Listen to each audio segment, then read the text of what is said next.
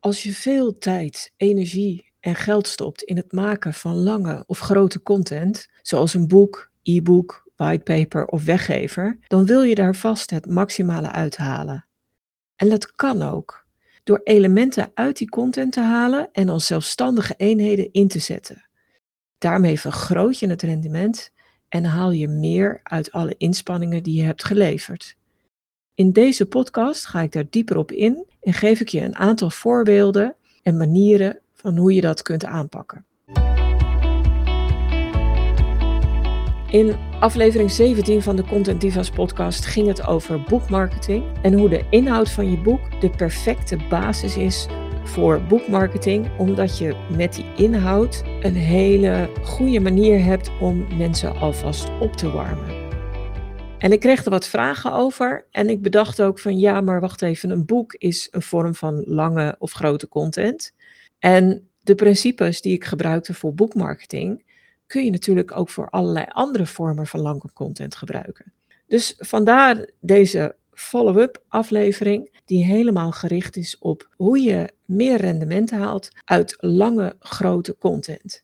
Wat versta ik dan onder lange content? Nou, dat kan van alles zijn, maar om een paar voorbeelden te noemen, behalve een boek kan het zijn een e-book, een whitepaper of onderzoeksrapport, een webinar of masterclass of een andere hele lange video. Het kan een videoserie zijn of het kan een podcast of podcastserie zijn.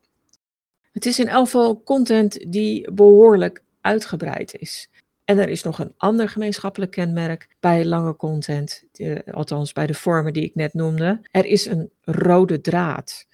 Er wordt een kenniskloof overbrugd, want bijna al deze vormen die ik net noemde zijn vormen van informatieve of helpende content. En vooral informatief, het gaat om informatie en kennis die wordt overgedragen, waarmee in vragen of problemen wordt voorzien en waarvoor een oplossing wordt geboden.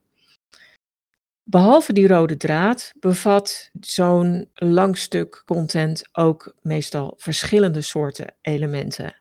Zo kan een whitepaper data bevatten, maar ook achtergronden, misschien ook definities, maar er zullen ook waarschijnlijk wel afbeeldingen in staan. Dus dat zijn een aantal verschillende soorten elementen die in een whitepaper zitten.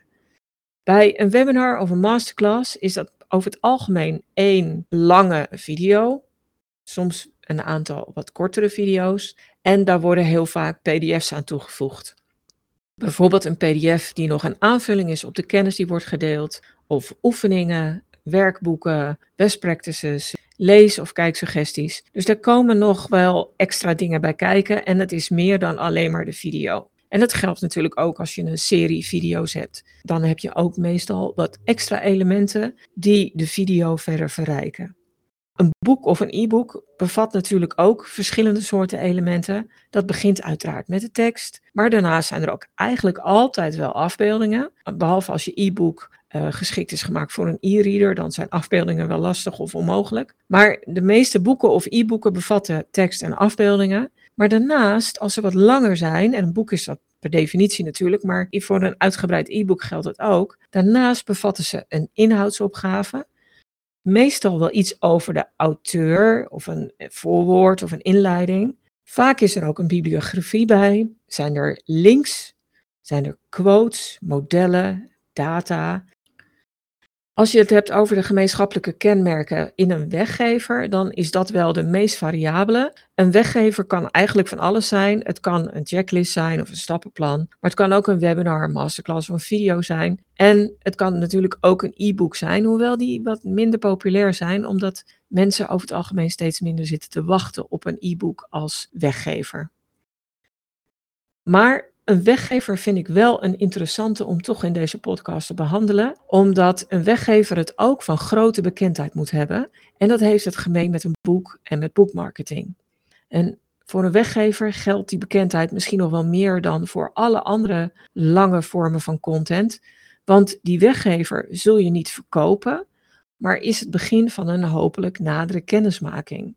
Dus je moet die weggever bij zoveel mogelijk mensen uit je doelgroep terecht laten komen.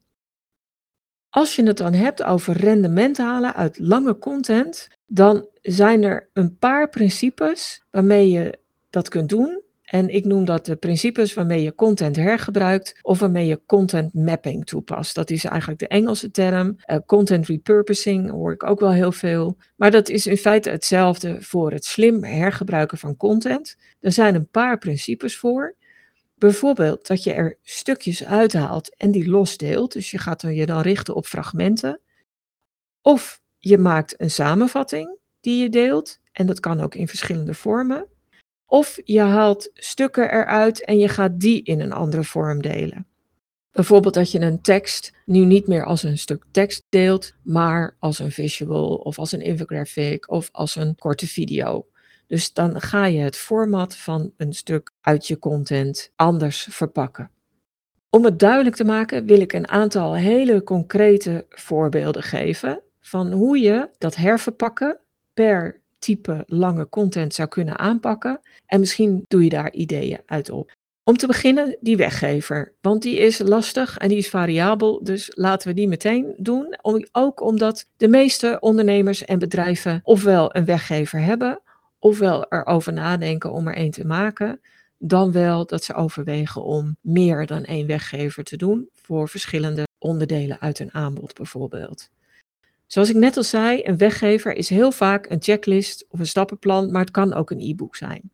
En om een voorbeeld te geven, ik ben met een andere website die ik samen met iemand anders eh, beheer, ben ik bezig om daar een weggever te maken voor boekmarketing.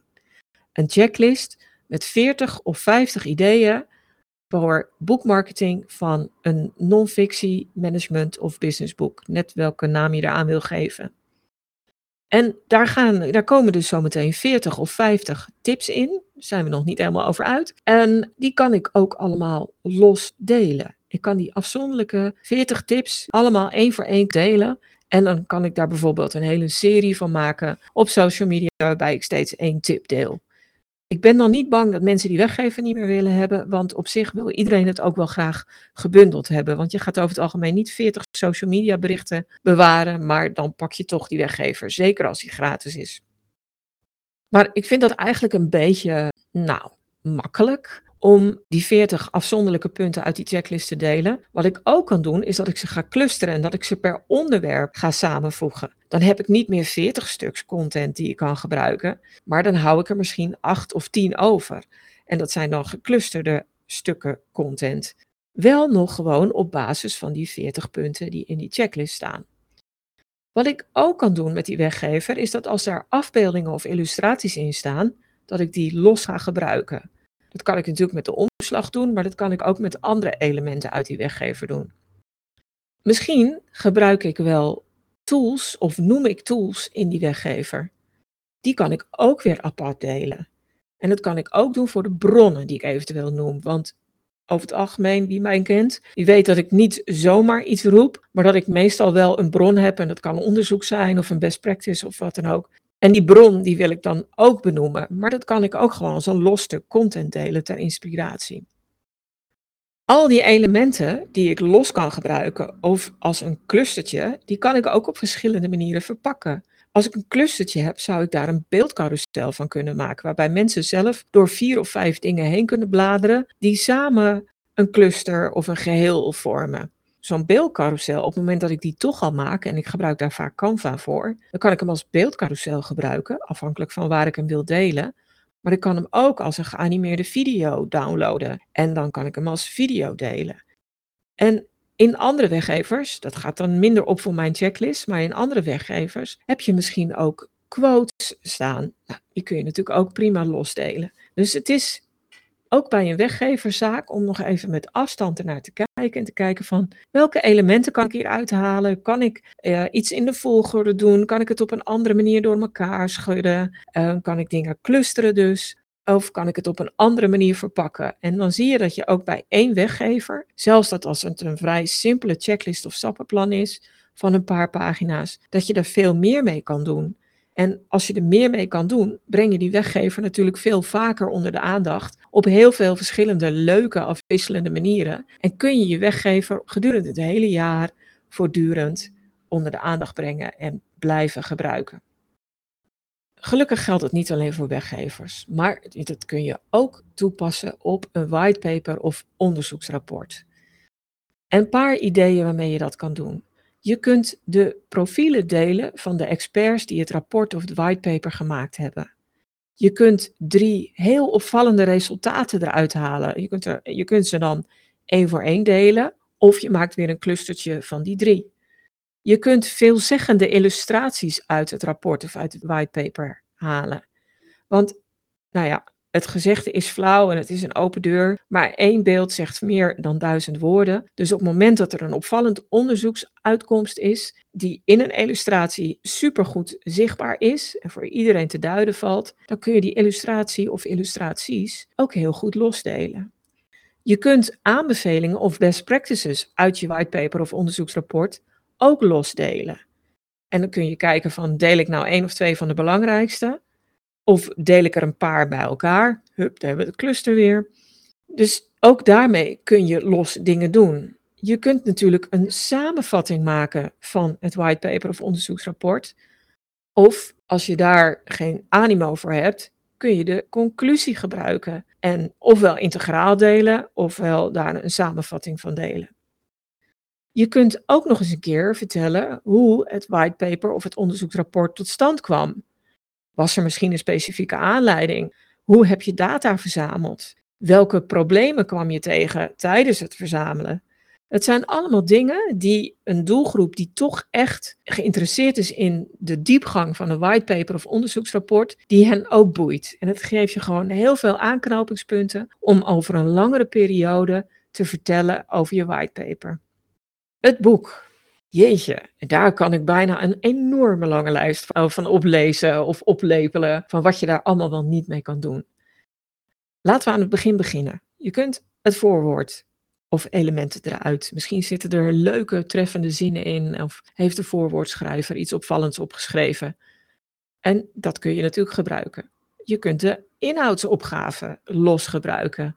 Daar zou je bijvoorbeeld ofwel een, een langere, eh, hogere illustratie van kunnen maken, of je kan er een klein bladerdocumentje van, van maken, afhankelijk van hoe lang die inhoudsopgave is. Net als bij een whitepaper kun je hier ook een profiel van een auteur maken. Je zou de bibliografie los kunnen delen. Eventueel weer als een bladerdocument, of je noemt alle bronnen als er niet heel veel zijn, of je kiest voor de belangrijkste bronnen van je bibliografie. Je kunt per hoofdstuk een korte samenvatting maken. Je kunt definities, modellen en concepten uit je boek losdelen. Je kunt afbeeldingen en illustraties uit je boek delen. Als ze erin staan, kun je quotes delen. En die quotes kunnen inderdaad quotes van bekende mensen zijn, of treffende uitspraken of treffende bevindingen. Maar op het moment dat je ze in je boek misschien als een visuele quote erin hebt staan, ja, dan heb je natuurlijk heel mooi materiaal om dat verder ook te delen. Wat je ook nog kunt doen, is dat je extra leessuggesties deelt. Misschien verwijs je in je boek nog naar andere boeken of naar video's of naar wat voor materiaal dan ook. Dat kun je ook weer los delen. Zeg van ja, niet alles paste in mijn boek. En als je het daar dan toch over hebt, op het moment dat je nog in een schrijf- of in een redactiefase zit, zul je heel vaak stukken tekst maken die het boek uiteindelijk niet halen. Gewoon omdat het te veel is, of omdat het, het veel uitwaaiert, of omdat het misschien nog niet helemaal goed genoeg is. Maar ook sommige elementen die het boek niet gehaald hebben, die zou je wel weer los kunnen delen. Natuurlijk als het op zich als losstaand stuk wel goed genoeg is en de kwaliteit uit je boek evenaart, maar misschien werd het gewoon te breed om in je boek op te nemen. Of misschien is het in gedachten wel iets dat je denkt, nou dat is misschien beter voor een volgend boek. Dus ook elementen die je boek niet gehaald hebben, kunnen heel erg goed bruikbaar zijn om in je promotie rondom het boek in te zetten. Ja, en tenslotte geldt ook bij je boek van wat heeft je nou geïnspireerd om dit boek te schrijven? Wat was de aanleiding? Dat kan niet heel herkenbaar zijn voor mensen en in dat geval is het heel waardevol om daar ook iets over te delen.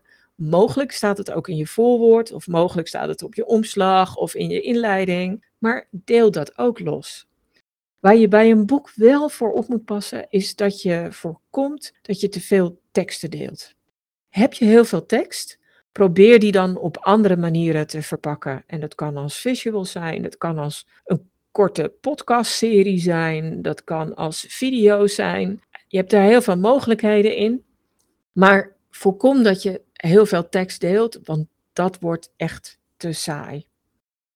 Een e-book, en dan bedoel ik niet de e-book versie van een gewoon boek, maar een losstaand e-book wat waarschijnlijk te klein was qua omvang om daar een tussen aanhalingstekens echt boek van te maken. Ja, zo'n e-book, daar gaat ook heel veel bloed, zweet en tranen in zitten om te maken. Dus ook daar kun je deze principes op loslaten. Ook hiervan kun je zeggen van ik maak een korte samenvatting per hoofdstuk. Of ik deel de inhoudsopgave. Of ik deel de bronnen die ik aanhaal. Of ik haal er stukjes uit en die deel ik in een andere vorm. Dus ook bij een e-book, wat wel kleiner en compacter is dan een boek, kun je deze principes heel goed toepassen. En natuurlijk al helemaal weer als die e-book ook weer een weggever is. Nou ja, zo is de cirkel rond. Behalve dit soort geschreven stukken, lange content, heb je natuurlijk ook nog andere opties. En dat is bijvoorbeeld een lange video of een videoserie of een podcastserie. Om bij de eerste te beginnen, je kunt een videoserie kun je bedenken of het kan een hele lange video zijn. Bijvoorbeeld omdat je een online masterclass hebt gegeven of gaat geven of een webinar. Of omdat je zegt, ik doe één keer per maand doe ik een lezing op video en die deel ik met mensen. Dus een lange video en dan denk ik wel aan minimaal 40 minuten, zodat je echt heel veel diepgang hebt en je hebt, je een bepaald probleem wat je behandelt. En dat is dan voldoende tot een ja, hoogstaand, diepgravend stuk content. Klinkt een beetje snobistisch, maar mogelijk heb je heel veel kennis in huis en wil je die op deze manier delen. En in diepgaande inhoudelijke kennis leent ze gewoon heel goed voor een masterclass of voor een webinar. Daar kun je ook van alles mee doen. Je kunt een outline geven en aangeven van wat er wordt of is behandeld in een masterclass of in een webinar. Die outline kan natuurlijk als video, maar het kan ook als een tekst of als een visual, noem maar op. Je kunt de intro van de masterclass als videofragment kun je ook los delen. Je kunt de masterclass, zeker als je dan een presentatie als basis hebt gebruikt, kun je natuurlijk de PDF van de presentatie losdelen. Dat kan als SEC, als PDF, die mensen misschien nog kunnen downloaden. Maar een PDF kun je ook weer tot beeldcarousel vermaken. LinkedIn doet dat zelfs automatisch voor je op het moment dat je een PDF uploadt op, op een profiel of op een pagina.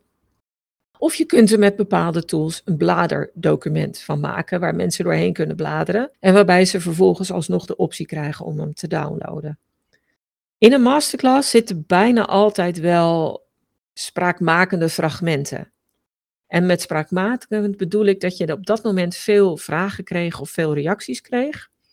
Of je kunt zelf bedenken van hé, hey, maar dit is hardcore content die ik hier deel in deze paar minuten.